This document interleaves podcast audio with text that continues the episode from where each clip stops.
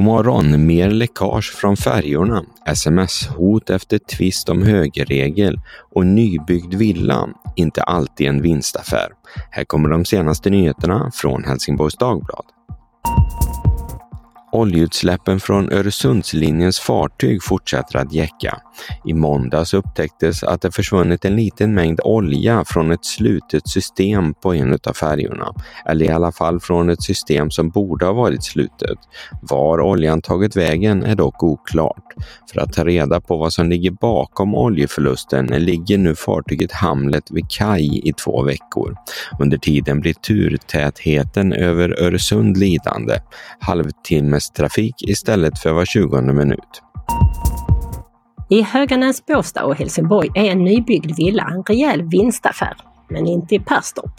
Mellan 2019 och 2022 påbörjades knappt 60 procent av de småhusbyggen som hade planerats i Helsingborg. Det ser likadant ut i stora delar av nordvästra Skåne. Bara Örkelljunga, Åstorp och Landskrona överträffade sina byggmål. I Helsingborg har ett nybyggt hus ofta ett betydligt högre marknadsvärde än vad det har kostat att bygga det. Bygger man i Perstorp, Klippan eller Örkelljunga får man bara precis pengarna tillbaks. Det kan vara svåra bank banksamtal om man vill bygga i de kommunerna. En söndag i somras så svängde en tjej i 20-årsåldern ut från Mio på Väla med sina föräldrars bil. Samtidigt kom en bil från andra hållet. Det höll på att leda till kollision och föraren i den andra bilen fick tvärnita. När 20-åringen kom hem hade hennes föräldrar fått ett sms där de uppmanades att lära dottern högerregeln. Sms-konversationen fortsatte mellan de två bilisterna och urartade sen så illa att kvinnan som skickat det första smset nu döms för olaga hot till 40 dagsböter. Hon hade bland annat sagt att hon visste var 20-åringens familj bor och hotat att repa bilen.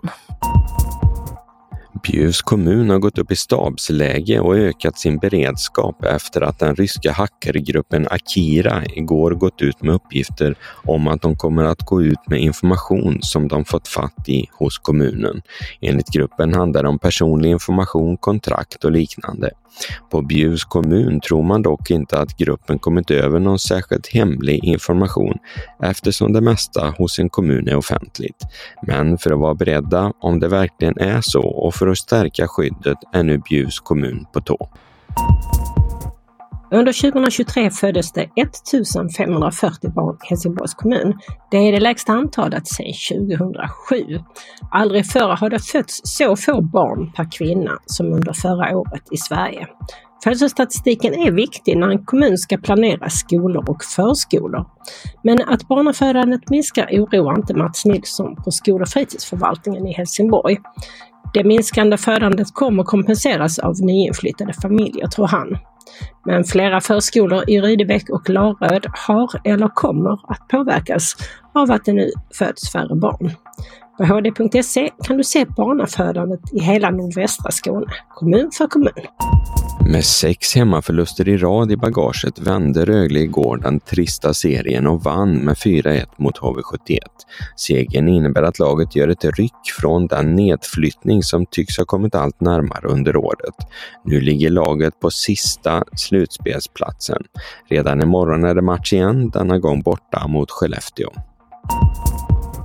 Vädret. Idag väntar en lugn och jämngrå februaridag. Temperaturen ligger stilla mellan 4 och 6 grader. Vinden blir måttlig och kommer från söder. Det var allt från Helsingborgs Dagblad den här morgonen. I studion Peter Färm och Yvonne Johansson. Läs mer på hd.se. Vi hörs!